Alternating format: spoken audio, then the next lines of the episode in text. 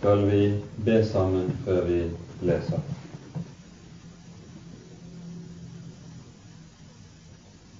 Kjære Herre, du gode og trofaste Gud. Du som troner i det aller helligste. Vi takker deg, og vi velsigner ditt navn, fordi du har bøyd deg ned til oss som bor i det lave for å ta deg av den som er sønderbrutt og sønderknust av hjertet, og gjøre ham levende igjen ved din nåde. Takk at du har gitt oss din egen sønn for at vi skal leve og eie hele himlenes rike hos deg. Og takk, Herre, at du i din godhet sørger for dine små dag etter dag slik at vi ikke skal mangle noen. Herre, nå ser du at vi er samlet her for å høre dine ord. Vi ber deg at du selv vil komme og være den som åpner opp ordet for hver enkelt av oss ettersom vi trenger det. Hos deg er lyset, hos deg er visdommen. Så kom, Herre, du, og spre ditt lys imellom oss. Vær du med min munn og min tanke, at det får lyde som er fra deg, og ingenting annet. Amen.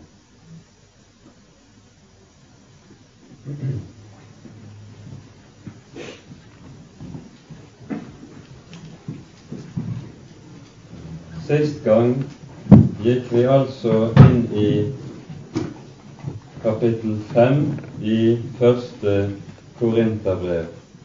Og dermed begynte vi på den andre hoveddelen av brevet, som altså tar for seg en god del av de praktiske ting som gjelder korinternes liv. Det gjelder både livet til den enkelte her i verden, og det gjelder en rekke ting som har med menighetslivet å gjøre. Og nå i kapitlene fra, fra fem til ni så er det særskilt ulike forhold i livet i forhold til denne verden som tas opp, og så fra kapittel ti av og utover så er det ting som har med menighetslivet og særskilt gudstjenestelivet å gjøre i Korint. Og Da kan vi godt si det slik at det som det, som det hele kan samles under som det overordnede synspunkt, det er menigheten som Guds hellige tempel. Og det som hele tiden er siktemålet, er menighetens hellighet nettopp som dette Guds tempel. Dette var det Paulus begynte å behandle i det forrige kapittelet, og vi ser raskt at det er det samme han fortsetter med her i kapittel 6. Så nå leser vi gjennom det sjette kapittelet. Våger noen av dere, når han har sak mot sin neste, da å søke dom hos de urettferdige og ikke hos de hellige? Eller vet dere ikke at de hellige skal dømme verden? Og dersom verden blir dømt ved dere, er dere da uverdige til å dømme i de ringeste saker? Vet dere ikke at vi skal dømme engler, hvor meget mer da i timelige ting? Når dere da har saker om timelige ting, så setter dere dem til dommere som ikke aktes for noe i menigheten. Til skam for dere, sier jeg det. Så finnes det da ikke noen vismann iblant dere, ikke én eneste en, som kan skille tretten for sin bror. Men bror fører sak mot bror, og det for vantros domstol. Det er jo i det hele allerede et tap for dere at dere har saker mot hverandre. Hvorfor lider dere ikke heller urett? Hvorfor tåler dere ikke heller skade? Men dere gjør urett og skade, og det mot brødre. Eller vet dere ikke at de som gjør urett, ikke skal arve Guds rike? Far ikke vil, verken horkarler eller avgudsdyrkere, eller ekteskapsbrytere, eller bløtaktige, eller de som synder mot naturen, eller tyver, eller havesyke, eller drankere, eller baktalere, eller røvere, skal arve Guds rike. Således var det med somme av dere, men dere har latt dere avtvette, dere er blitt helliget, dere er blitt rettferdiggjort i den Herres Jesu navn og i vår Guds ånd. Jeg har lov til alt, men ikke alt gagner. Jeg har lov til alt, men jeg skal ikke la noe få makten over meg. Maten er for buken, og buken for maten. Gud skal gjøre ende på dem begge. Men legemet er ikke for hor, men for Herren, og Herren for legemet. Og Gud har oppvakt Herren, og skal også oppvekke oss ved sin kraft. Vet dere ikke at deres legemer er Kristi lemmer? Skal jeg da ta Kristi lemmer og gjøre dem til en skjøgis lemmer? Langt derifra. Eller vet dere ikke at den som holder seg til skjøgen, er ett legeme med henne? For det er sagt, de to skal være ett kjød. Men den som holder seg til Herren, er én ånd med ham. Fly hor. Enhver synd som et menneske kan gjøre, er utenfor legemet. Men den som driver hor, synder mot sitt eget legeme. Eller vet dere ikke at deres legeme er et tempel for Den hellige ånd, som bor i dere, og som dere har fra Gud, og at dere ikke hører dere selv til, for dere er dyrt kjøpt, så er da Gud med deres legeme. De to versene som vi har lest her i vers 19 og 20, kan vi se på som konklusjon og sammenfatning av hele dette avsnittet. Dere er dyrt kjøpt, så er da Gud med deres legeme. Og dette anvendes så inn i de ulike områder som vi her har for oss. I de første åtte versene her i kapittelet tar Paulus opp dette at korinterne hadde tretter seg imellom, tvistigheter som de dro inn for retten, og det for rent verdslige domstoler, i stedet for at de skulle ta det opp seg imellom og ordne det i minnelighet, slik som den kristne kjærligheten byr. Og her møter vi noe som er underlig, nemlig det at korinterne de steller seg på en sånn måte at de på en måte, kan vi si, frakjenner seg selv det som de av Herren selv er blitt tilkjent. Vet dere ikke, sier Paulus, gjentatte ganger i dette kapitlet. Hele seks ganger brukes dette uttrykket. Her er det noe som de burde vite om både sin tilstand og sitt kall som kristne, men som de altså tydeligvis har latt gå i glemmeboken. De innretter seg som om de ikke kjente Herren og ikke tilhørte Ham, men var rent verdslige mennesker her i denne verden. Vet dere ikke at de hellige skal dømme verden? Og dersom verden blir dømt ved dere, er dere da uverdige til å dømme i de ringeste saker? Vet dere ikke at vi skal dømme engler, hvor meget mer da i timelige ting? Det som her er skjedd, er at korinterne hadde tvistemål seg imellom. Det kunne være slik som gikk på hvordan man skulle forstå en kontrakt, en kjøpekontrakt. Det kunne gjelde forholdet til eiendom eller hus, eller slikt som hadde med kjøp og salg og handel å gjøre. Så ble de ikke enige, og så dro de dette inn for den romerske øvrigheten. Dette var i seg selv betegnende for korinterne. Og dermed så ga de til kjenne de hadde ikke tillit til noen innen sin egen menighet at de kunne løse slike tvisteligheter. Så lavt satte de hverandre og anså de hverandre.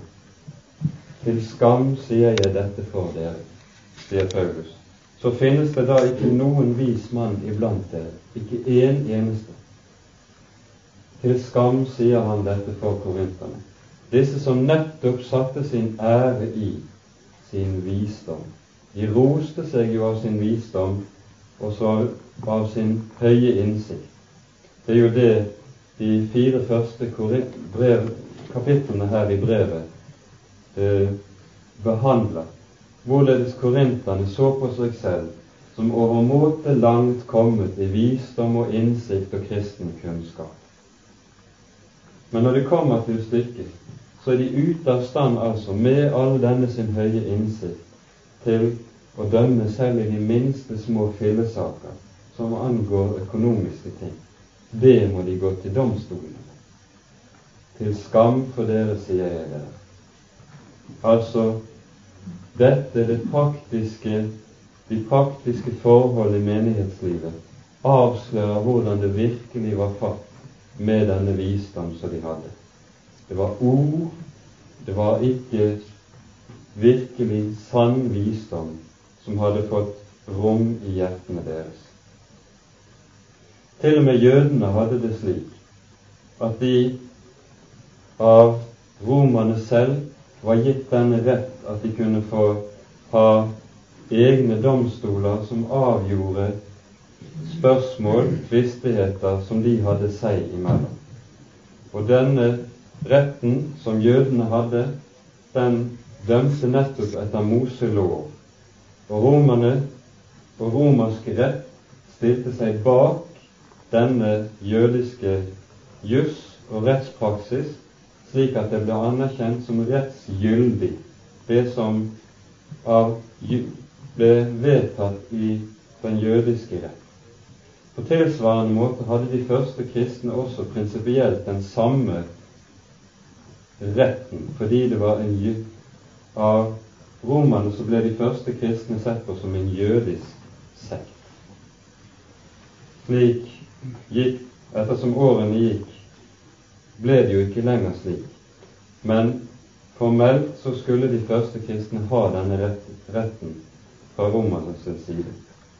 Men allikevel, altså, til og med under slike forhold, så vil ikke korinterne benytte seg av det, men de går til slike som aktes lar, sier han, ikke aktes for noe i menigheten. De har ikke den kristne innsikt. De kristne, sier Paulus, de er av den Herre Jesus selv satt inn i et meget høyt kall og i en meget høy stand. De skal dømme verden. Her i dette liv går Guds barn og Guds folk som de som blir dømt av verden, urettmessig. Men i det neste liv sies det uttrykkelig en rekke steder i Det nye testamentet skal Guds barn opphøyes til å sitte med Jesus på hans trone og ha del med ham i hans kongelige myndighet og styre i verden. Vi leser f.eks. i Johannes' åpenbaring i det tredje kapittelet dette unnskyld, løftet til dem som seirer. 3.21 står det slik. Den som seirer, ham vil jeg gi å sitte med meg på min trone, like som jeg har seiret og satt meg med min Fader på hans trone. Del i Jesu kongelige myndighet. Det var det som de kristne skulle få i og med opphøyelsen. På tilsvarende måte lover Jesus i Matteusevangeliet 1928 at disiplene de skal i gjenfødelsen, når himmel og jord fornyes, så skal de sitte på tolv troner og dømme verden.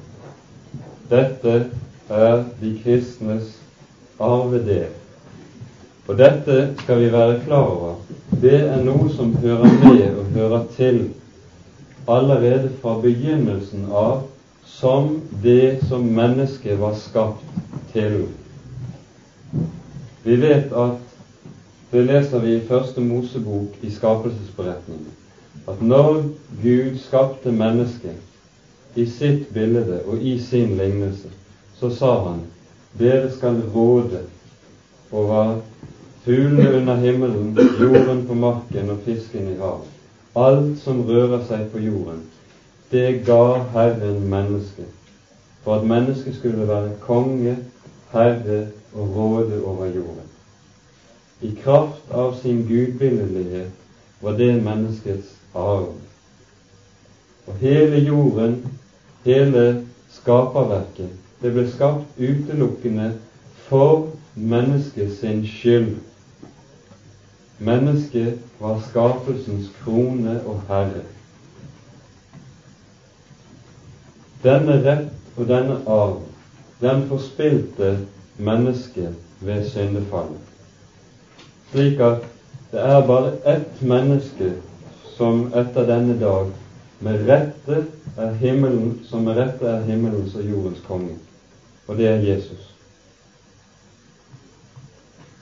Men ved at frelsen fullbyrdes i gjenfødelsen, slik Jesus kaller det, så får menneskene tilbake denne rett og myndighet som vi var skapt til fra begynnelsen av. Det er det som ligger i dette. Vet dere ikke, har dere glemt dette som dere lærte fra begynnelsen av?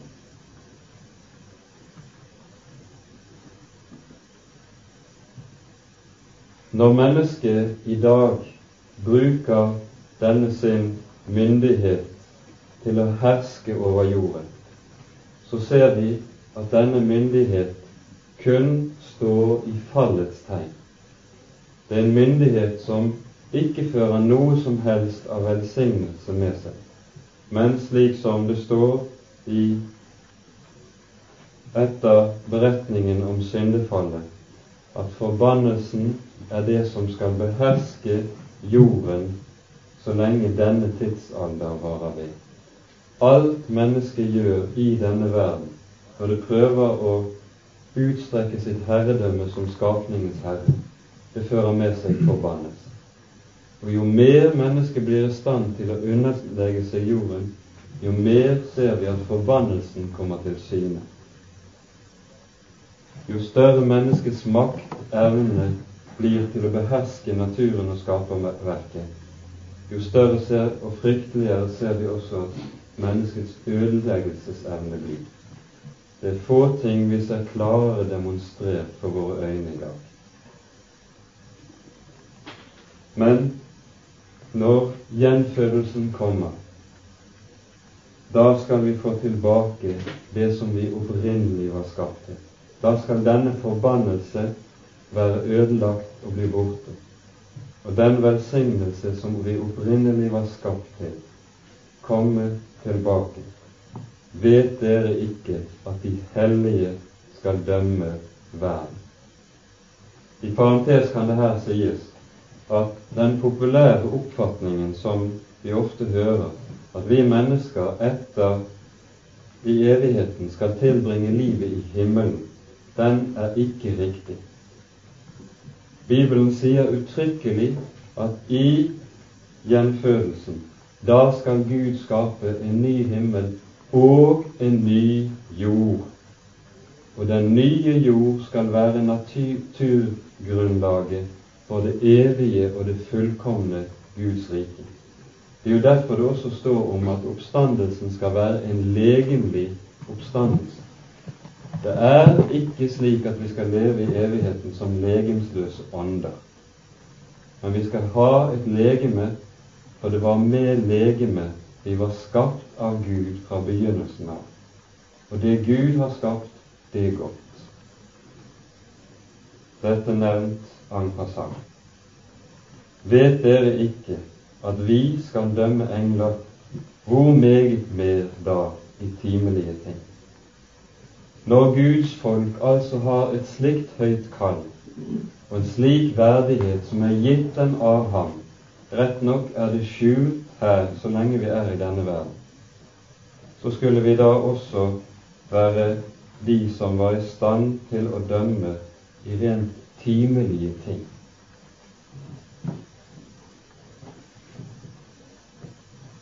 Det er en skam for menigheten at det er slike tvister som de drar inn for domstolen.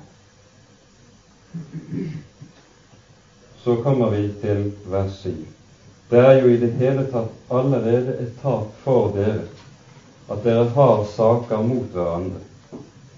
Det Paulus har behandlet i vers 1-6, er at her har de først saker seg imellom. Så skal de ikke dra det inn for den hedenske domstol.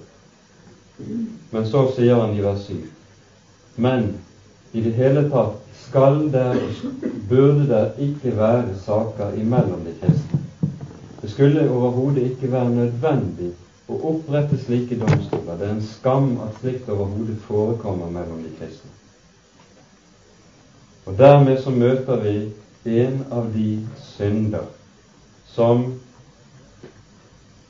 Paulus nevner i vers 9 og 10 som de alvorligste synder som han sier vi som gjør slikt, skal ikke arve Guds rike.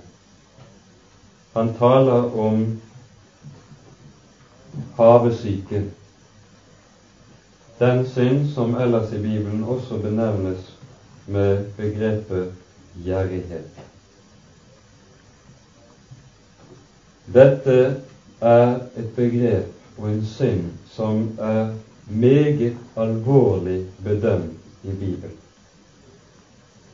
Harsyken, det å skulle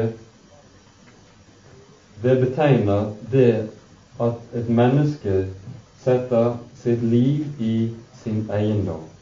Målet i livet er det å stadig få mer.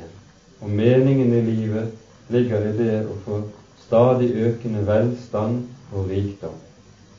Vi vet at det er den synd kanskje som er aller mest fremherskende i dagens samfunnsliv.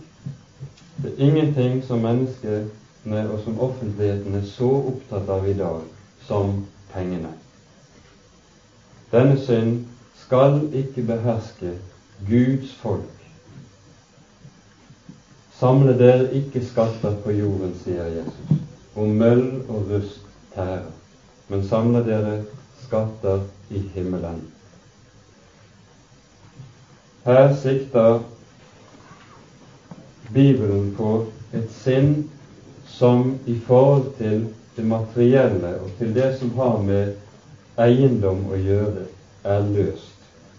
En kristen skal være en som samtidig både har og vet med seg selv at han ikke har, hvordan går det for seg? Det går for seg på den måten at en kristen vet at den eiendom jeg har her i denne verden, det er Gud selv som har gjort det slik at den private eiendomsrett finnes. Og det er en ordning som er av Gud her i verden. Så det er en god og rett ordning. Men en kristen vet samtidig at alt det jeg har og får her i livet, det er dypest sett ikke mitt, Jeg har ikke lov til å si om noe av det jeg har eller eier, at det er mitt. Alt jeg har, alt jeg eier, det tilhører Ham. Slik er det en kristen skal se på sin private eiendom. Og slik er det Gud gir uttrykk for dette i Mosebøkene når han leder Israel inn i det lovede land. I tredje Mosebok kapittel 25 så sies det slik om Israels forhold til det lovede land. Og dette er faktisk grunnlaget for rettsforfatning og eiendomsforvaltning i det gamle Israel. Tredje Mosebok 25-23. Jorden må ikke selges for alle tider. For meg hører landet til. Dere er fremmede og gjester hos meg, sier Herren. Altså, det lovede land er dypest sett ikke Israels eiendom. De får det ikke som sitt som de kan besidde og eventuelt øke eiendommen sin etter eget forgodtbefinnende. Det er Guds eiendom hvor de kun er gjester og fremmede. Og slik er det vi prinsipielt skal se på all eiendom når det gjelder vårt forhold til Gud. Det er hans, det er ikke vårt. Slik kan vi se på det kun så fremt vi har lært å kjenne Jesus som det egentlige gode. Og her bruker Bibelen et uttrykk som er meget talende.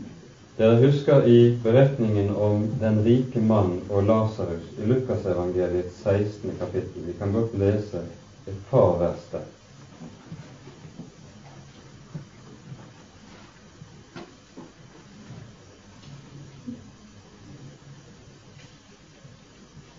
Leser vers, fra vers 23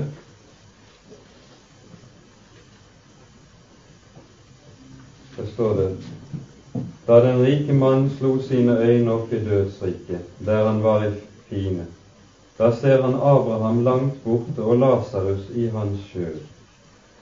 Da ropte han, Fader Abraham, forbarm deg over meg og send Lasarus, for at han kan dyppe det ytterste av sin finger i vann og svale min tunge, for jeg pines storlig i denne lue. Men Abraham sa, Sønn, kom i hu at du fikk ditt gode i din levetid, og Lasarus likeså det onde. Men nå trøstes han her, og du pines. Den rike mann hadde fått sitt gode i sin levetid. Merk det uttrykket. Det at han hadde fått sitt gode, det betyr ikke i og for seg det at han hadde rikelig med jordisk gods. Det hadde han jo òg. Men det betyr at det jordiske gods som han hadde, all hans rikdom, det var det som var livets mål og mening og innhold for ham.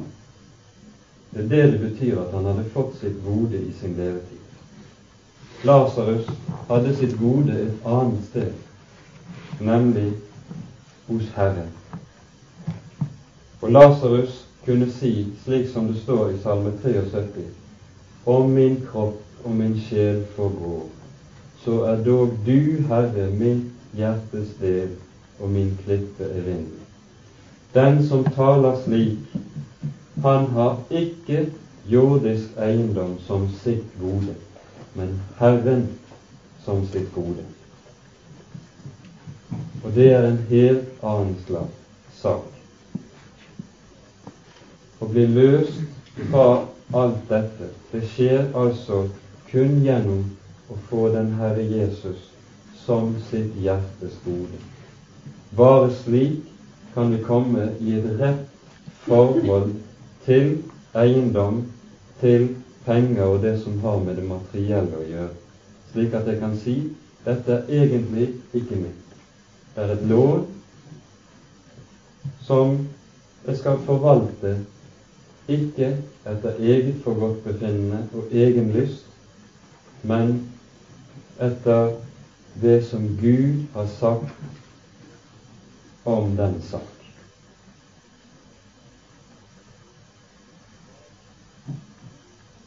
Faren når vi begynner å tale om ting, penger, eiendom, som vårt eget, det er at med en gang så melder det seg som heter egoisme. Farsyken kler seg alltid i rettens klær. Det skal vi være klar over. Det er jo allerede et tap for dere at dere har saker mot hverandre. Her er det en som ikke har fått det han mente var sitt eget. Og så går han til retten fordi han mener han har rett til dette som han ikke har fått. Han hadde krav på det. Og så sier Paulus det kristne sinn som springer ut av det at han har sitt gode i Herren. Han, fordi han er løst fra alt dette, så vil han også kunne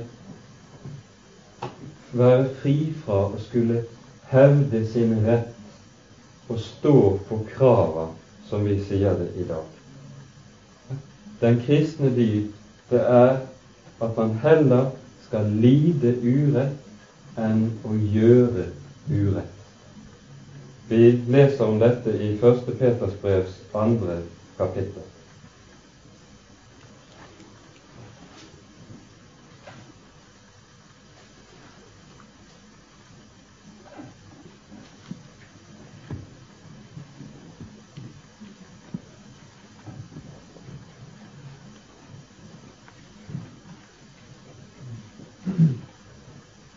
Her er det tale om hvordan Jesus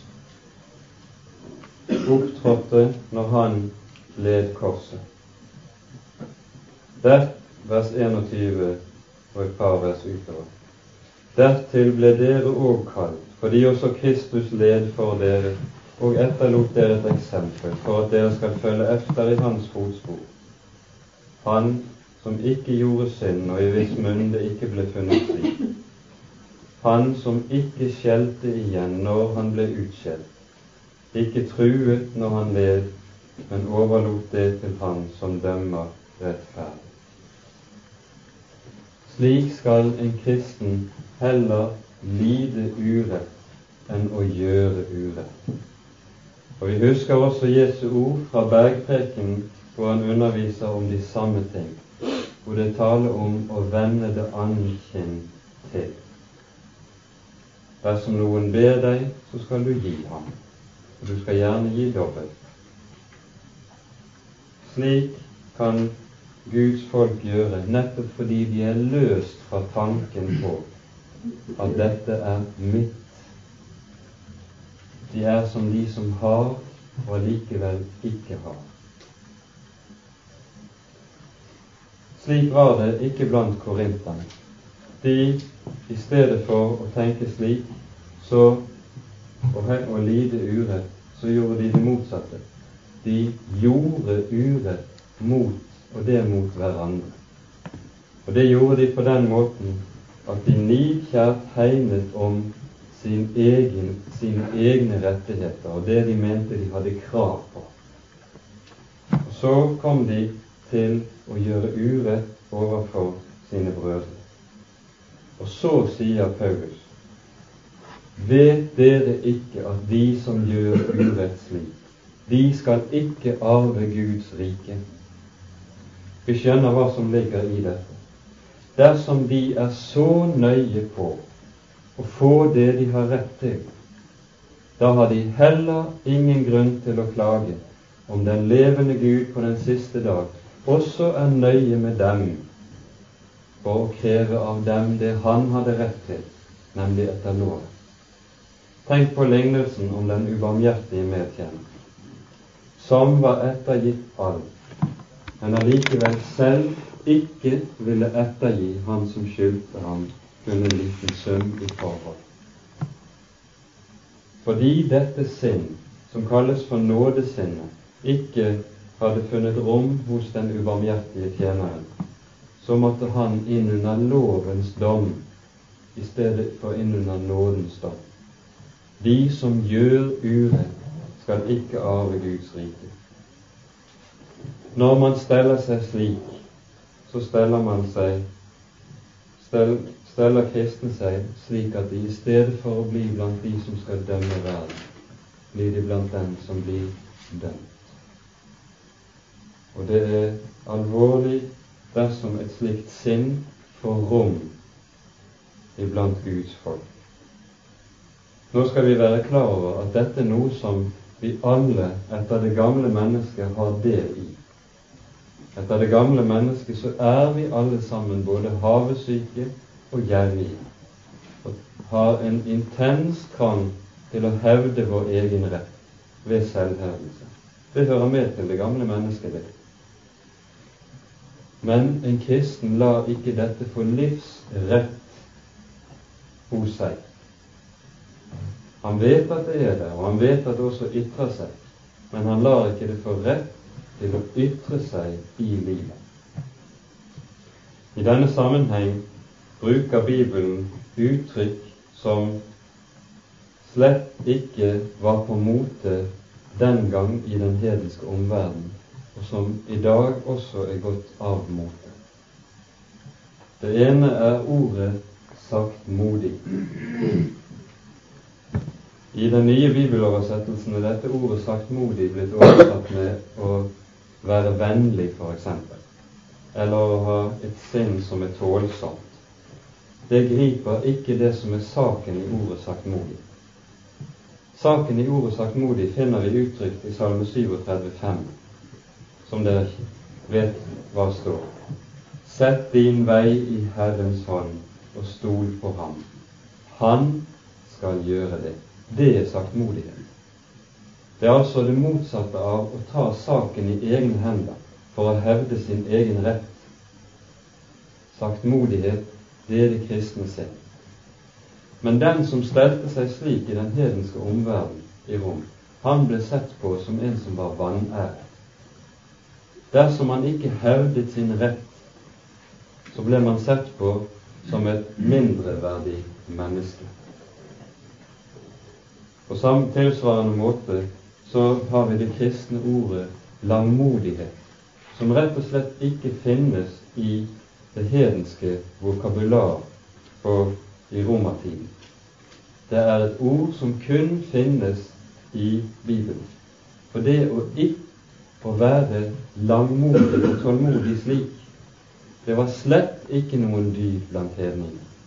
Det var tvert om sett på som en dyd å slå igjen dersom du ble slått, og hevde deg dersom det var noen som prøvde å seg på noe på din bekostning. Og Slik vet vi i dag også denne ånd som vil hevde seg selv, er på full fart tilbake inn i samfunnslivet igjen. Og disse ordene som kalles for saktmodighet, langmodighet og ydmykhet, det ses ikke på som noe ideal akkurat.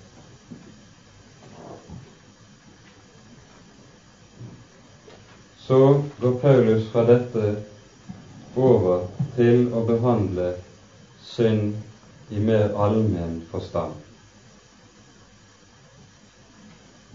Når han nevner opp de synder som han gjør i vers 9 og vers 10, så nevner han nettopp disse som synder som ikke, det ikke ble tatt avstand fra i det hedenske miljø i korinternes omverden. Dette var tvert om slikt som var akseptabelt i Korint og i Romerriket generelt. Og vi begynner etter hvert å se at det samme blir akseptabelt i dag òg.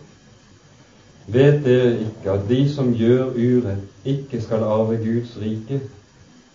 Far ikke vil, verken bordkarler eller avgudsdyrkere eller ekteskapsbrytere, eller bløtaktige eller de som synder mot naturen, eller tyver eller havesyke, eller drankere eller baktalere eller røvere skal arve Guds rike.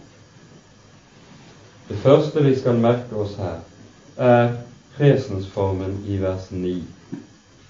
De som gjør slikt, skal ikke arve Guds rike. Presensformen i gresk det uttrykker noe som er en vedvarende tilstand i et menneskes liv. Det sikter altså ikke til det at man kan falle i slike synder. For det kan alle kristne komme til å gjøre, uten av den grunn å komme til å miste både barnekår og det evige liv. Det å falle i synd ødelegger ikke barneretten, men det å bli liggende i synden, det er det som gjør det. Og det er det som det betyr å gjøre urett. Det er å bli liggende. Eventuelt å forsvare sin synd og motivere den slik at det blir noe som blir akseptabelt og forsvarlig. Noe som det er såpass mange gode unnskyldninger for at det dermed også kan holde ved med. Vi ser at det er en rekke ulike slags synder som navngis her.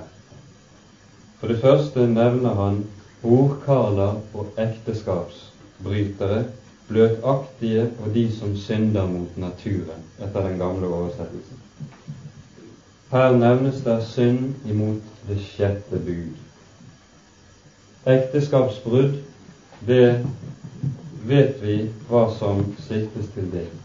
Det betyr å inngå i seksuell forbindelse uten med en person som er utenom som man ikke er gift med, eller på det som har med skilsmisse å gjøre.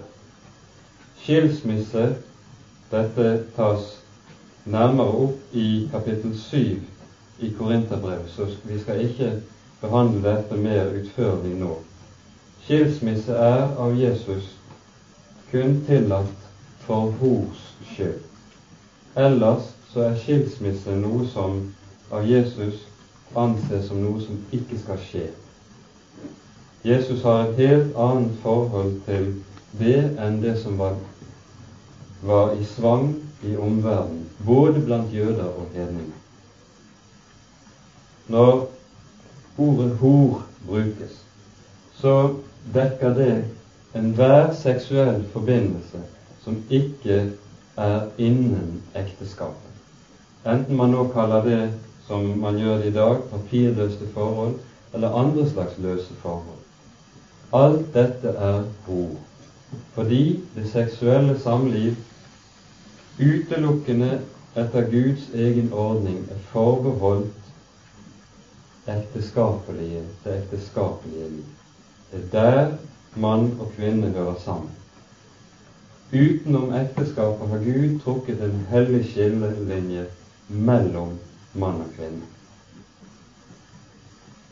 Når det er de to ordene 'bløtaktige' og 'de som synder mot naturen', så er det det som med moderne ord kalles for homofili.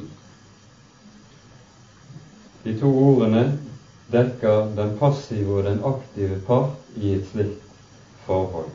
Enten de som lar seg bruke til det, eller de som er aktive i slike forhold. Begge deler er etter Guds ord synd. Og det å leve i det og holde ved med det er noe som ikke som vi ikke kan få Gud med på. Dette var en synd som i datiden var meget utbredt.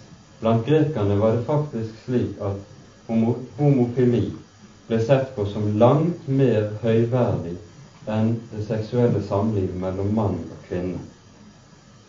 Det slik så høyt var homofilien verdsatt. Det var slett ikke noe som ble ansett for skammelig. Og for korinterne å få et helt nytt syn på saken, det var tydeligvis ikke gjort på én, to, tre. når vi i dag hører i denne sammenheng slagord der det tales om at man er skapt sånn, nemlig som homofil, så er det noe som ikke stemmer med Guds ord. Det er intet menneske som er skapt som synder. Hver og en slik vi er skapt av Guds hånd, er fullkomne og hellige. Det er ingen som er skapt som synder. Synden er kommet inn senere som en makt som har, har ja, skal vi si, okkupert denne Guds fullkomne skapning og behersker den og leder den til alskens synd. Men det er ingen som er skapt sånn, enten det nå gjelder den ene eller den andre slags synd. Og akkurat som det gjelder denne synd, så er det med den som er all annen synd. Det er noe som en kristen fris fra fordi Jesus døde også for det. Således, sier Paulus, var det med somme av dere, men dere har latt dere avtvette. Dere er blitt hellige, dere er blitt rettferdige. Blant korinterne var det mange som hadde levet også i slike forhold. Men de var renset fra det, og de hadde fått tilgivelse for det. Og slik er det også i dag. Også men som strever med det, som for enhver annen synder. Han har ikke gjort noe unntak den dagen han hang på korset, og sagt det at jeg døde for alle men ikke for de som strever med sitt Nei, han døde også for dem. Og det er fullkommen, fullkommen renselse også for de som strever med disse tingene. Videre nevner Paulus opp tyver, havesyke, drankere, baktalere og røvere. Når det taler om havesyke, tyver og røvere, så er det ikke bare de som er røvere i ordets bokstavelige ting og bokstavelig forstand, men det er tale om alle slags former for økonomiske forbrytelser. Enten det nå foregår på den måten som vi har det i dag, med svart arbeid, eller det gjelder kjøpmenn som tar altfor høy avanse. Det betegnes som synd i Bibelen å ta ublu pris. Eller det gjelder håndverkere som beregner seg altfor rikelig for det arbeidet de utfører, og i stedet for å gjøre det de får betaling for, gir skarn og skitt for det de skulle gjøre. Den slags betegnes like meget som synd i Bibelen som alt annet. Det er på like linje med tyveri. Så sier han i vers 11.: Således var det med samme av dere. Men dere har latt dere avtrette. Dere er blitt helliget. Dere er blitt rettferdiggjort i den Herres Jesu navn og i vår Guds ånd. Her sikter han til det som skjedde den dagen de enkelte av korinterne ble omvendt og ble Guds barn og ble døpt. De uttrykkene som brukes i dette verset, brukes ellers i en rekke sammenhenger nettopp om dåpen. Og Legg merke til at her, vi her møter treenigheten. Både Jesus, Gud Fader og Den hellige ånd møter oss i dette verset. Og det er et av de klareste uttrykk for at her er det tale om dåpens bad. Og legg merke til uttrykkene her. Det som er skjedd ved dåpen, det er at Gud selv har gjort en gjerning med de syndere det gjelder. Det er Gud som har vasket dem rene for sin synd. De er ikke blitt rene ved egne anstrengelser. men de er vasket rene av ham. De er blitt rettferdiggjort. Hvordan?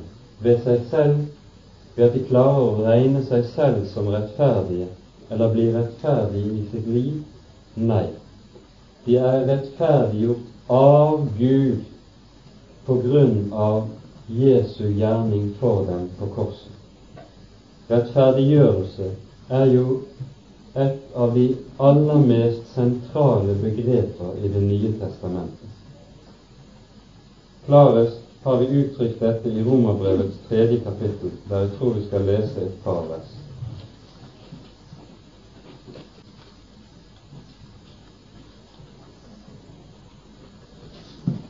Vi leser vers 21 til 24. Men nå, nå er Guds rettferdighet, som loven og profetene vitner om, åpenbaret uten loven. Det vil si Guds rettferdighet ved troen på Jesus Kristus for alle og over alle som tror. For det er ingen forskjell. Alle har syndet og fattes Guds ære og de blir rettferdiggjort uforskyldt av Hans nåde ved forløsningen i Kristus Jesus. Og legg merke til dette. Det som tidligere har vært tatt opp her i Romerbrevet, er det å forsøke å rettferdiggjøre seg selv ved loven. Da er det en gjerning jeg gjør selv. Jeg prøver å leve etter Guds bud og etter Guds lov, slik at jeg skal kunne bli slik som Gud krever jeg skulle være. Men så sier, viser Paulus til både den kristne erfaring og til Guds ord. Dette er noe som er umulig å bli rettferdiggjort etter loven. Og Gud ga heller ikke loven for at vi skulle rettferdiggjøres ved den. Han ga den tvert om for å avsløre synden. Rettferdiggjort blir vi ved troen på Jesus, altså uten gjerninger. Og Her er poenget at rettferdiggjørelsen det er et Guds verk som Han gjør, ikke i oss, slik at jeg blir annerledes. Men Han gjør det for meg og utenfor meg. Det er et uttrykk som er hentet fra rettsspråket, slik at når en, en som var tiltalt for en forbrytelse, ved retten ble erklært, erklært rettferdig, som det står i den nye oversettelsen, rettferdiggjort i den gamle, så betyr det at da ble han frikjent. Og det er just det Gud gjør. Jesus har båret dommen og straffen for all den synd som du og jeg har gjort, både før vi blir kristne, og den vi gjør når vi er kristne og lever som kristne. Derfor rettferdiggjør Gud meg. Han frikjenner meg, slik at jeg for Gud blir stående for den som den som aldri har syndet, som den som er fullkomment syndfri, Jesus lik. Det er å være rettferdiggjort. Gud selv, som er dommeren, har selv avgitt den dom at jeg skal få være frikjent fordi Jesus har gått i mitt sted. Og Dette er det som skjer når man blir døpt, eller dersom man er falt ut av dåpens pakt, senere i livet kommer til tro på Jesus. Da rettferdiggjør Gud dette mennesket. Og legg merke til dette går igjen gjennom hele Det nye testamentet. Vi blir rettferdiggjort av tro, ikke av gjerninger. Tro står i den skarpeste motsetning til gjerningene, slik i Det nye testamentet. Dere er blitt rettferdiggjort i den Herres Jesu navn og i vår Guds ånd. Dette var skjedd med alle disse syndere i Korint. Og derfor, på dette grunnlag, er det korinterne kalles for hellige. Tross all den synd som ennå var iblant dem. Og på de samme premissene kalles vi for hellige.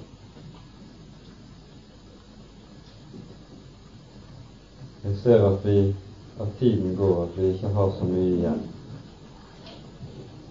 Men la meg allikevel få i korthet ta også de siste versene i dette kapitlet.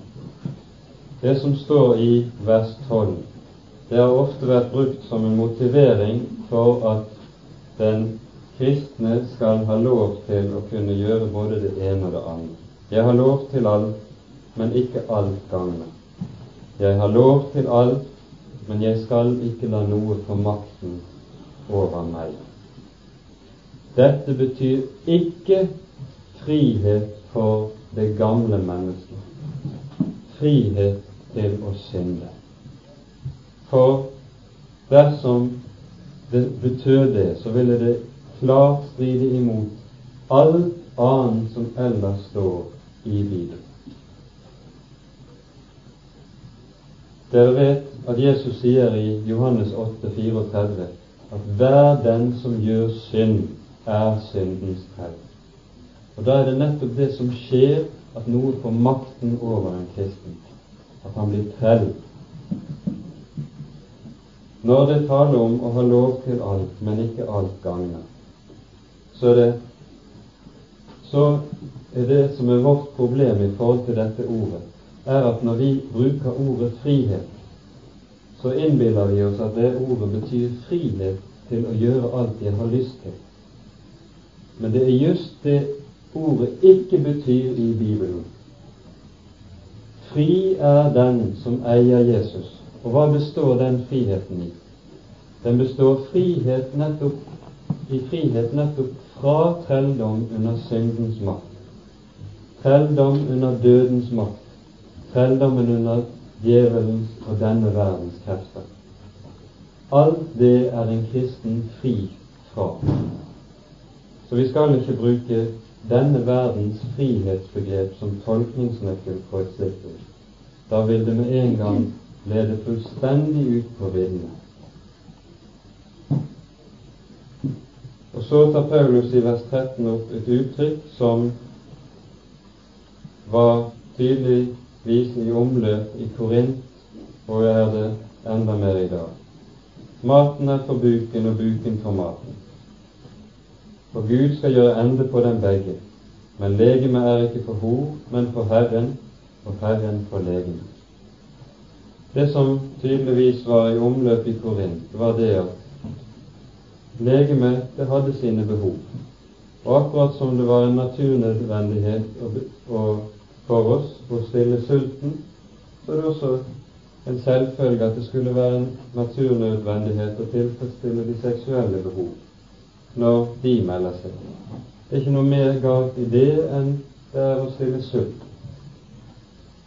Tilsvarende tankemåter og talemåter vet dere vi finner i dag. Her setter han et skarpt skille som nettopp viser hva som er den kristne tankegang om hva som er vår bestemmelse, og hva vi er skapt til. Maten er for buken, ja. Men buken, den er ikke legeme. Buken er til for legemets del, den. Men legeme, legeme det er til for noe ganske annet. Det er til for å høre Herren til, ikke for å gis hen i ro. Og så tar Paulus opp alt dette med å gjøre seg til ett med skjøgen og drive hor. Vi rekker ikke å behandle det utførlig. Men vi skal si et par ting allikevel om det som kanskje kan gjøre det litt klart, det som er tankegang. Det som nemlig var alminnelig tenkning i omverdenen den gangen, var at legeme det var noe som var noe mindre verdt. Legemet ble betraktet ofte som et fengsel for menneskets ånd. Og mennesket ble fritt, menneskets ånd ble fritt utelukkende i den grad man kunne fri seg fra legemet. konsekvent i den retning, så ville grekerne ikke tale om en legemlig oppstandelse, nettopp fordi legemet ble betraktet som noe ondt. Det fysiske var noe mindre verdt. Bibelen sier det motsatte. Legemet og skapningen overhodet er god. Den er skapt av Gud, og Gud er god. Og intet Gud gjør og skaper, er ondt. Men nettopp fordi legemet vårt er av ham, så er det også skapt til ham for å høre ham til. Og Derfor ser vi også helt karakteristisk i Det nye testamentet at det gjentagende ganger pokes på dette at vår åndelige gudstjeneste, hva består den i? Den består i å fremstille våre legemer for Herren som et levende, hellig og Gud velbehagelig offer. Romerne 12, 1-2. Merk det paradokset. Den åndelige gudstjeneste er å fremstille legeme. Slik er det nettopp fordi at i Bibelen er det ingen motsetning mellom ånd og legeme i mennesket. Motsetningen står, består mellom synd og ikke-synd, mellom det kjødelige og det som er bestemt av Guds ånd. Og det som er kjødelig i Bibelen, det kan godt være noe som slett ikke hører med til det legemlige. Det kan være meget religiøse og fine ytringer som allikevel av Bibelen stemples som kjødelige, som synd. Og Da tror jeg vi skal hoppe til Romerbrevets sjette kapittel, hvor just dette tas opp.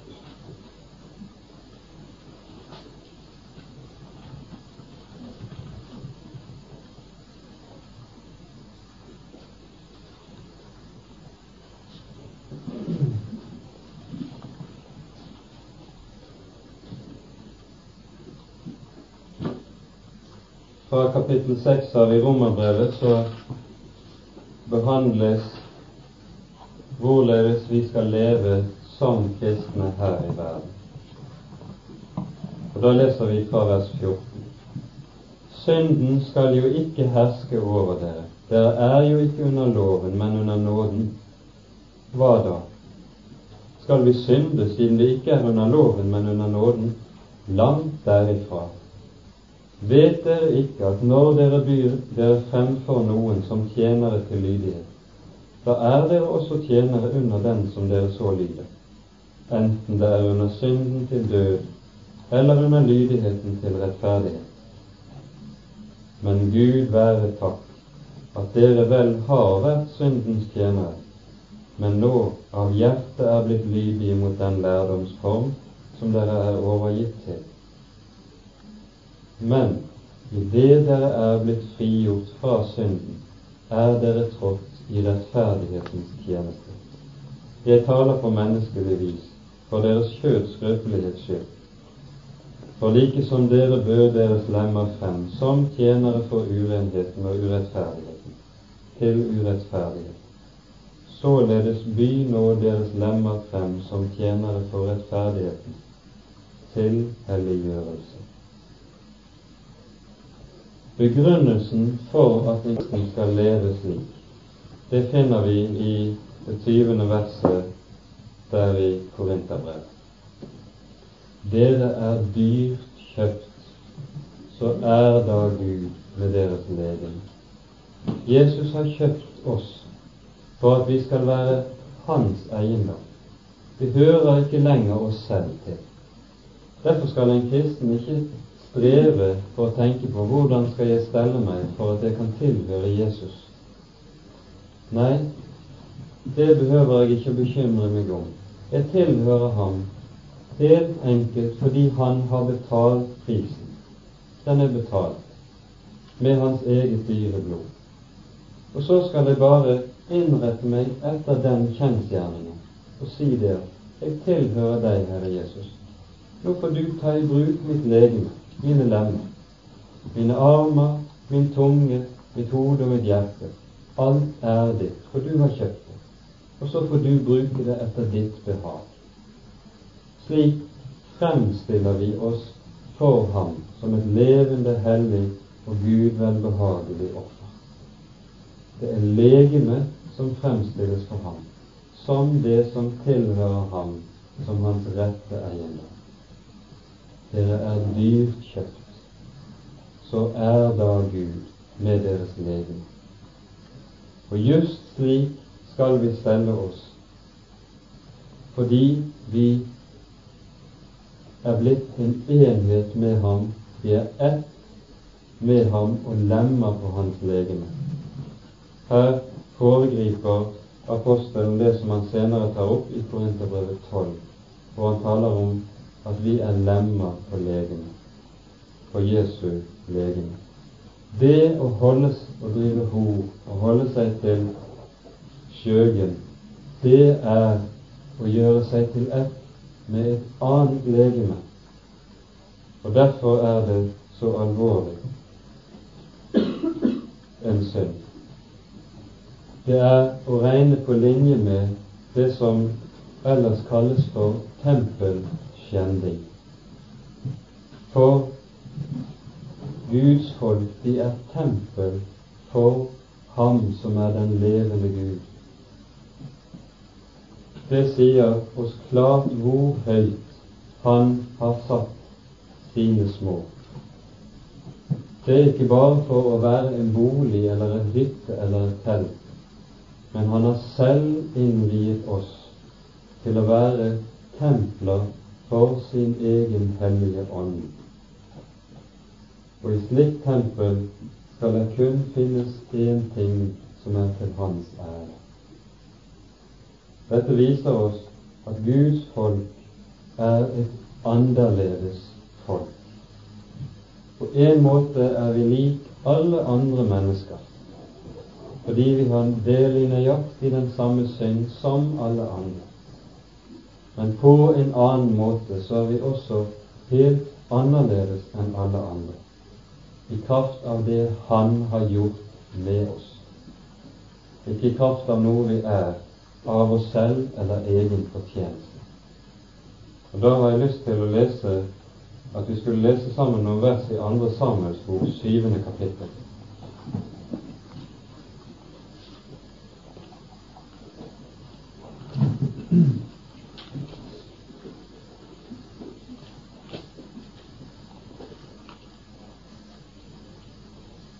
Her lov, lovsynger David Guds storhet på grunn av hans frelse og hans løfte om Messias, som skal komme til redning for verden. Og så sier han i vers 22 og 23.: Derfor er du stor, Herre Gud. Det er ingen som du, og det er ingen Gud foruten deg, etter alt det vi har hørt med våre ører. Altså, det er den Gud som kan gi en slik frelse.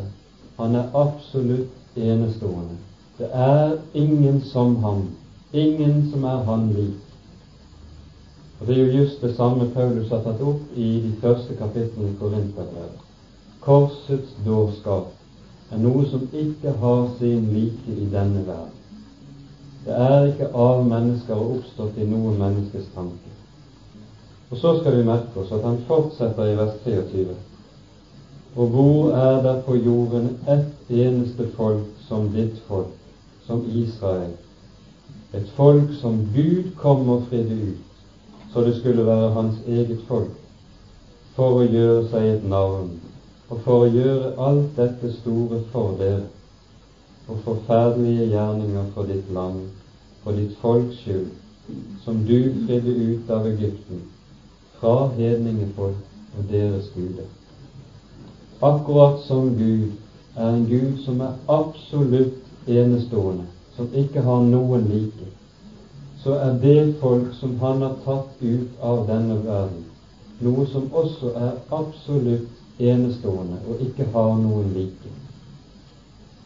Og du dannet deg ditt folk, Israel, så det skulle være ditt folk til evig tid og du, Herre, er blitt deres Gud.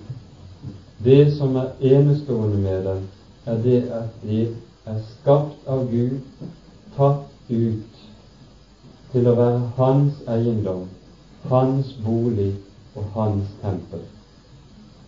Og Det er ikke tilfeldig at dette sies nettopp i den sammenheng hvor profeten Nathan kommer med løftet om Messias, og som sier Herren skal bygge deg et hus, det hellige tempel, der han selv vil bo blant folkene til evig tid. Det kunne være mye mer å si i denne sammenhengen, men vi rekker ikke mer nå, tror jeg. Og med dette slutter vi av for i kveld.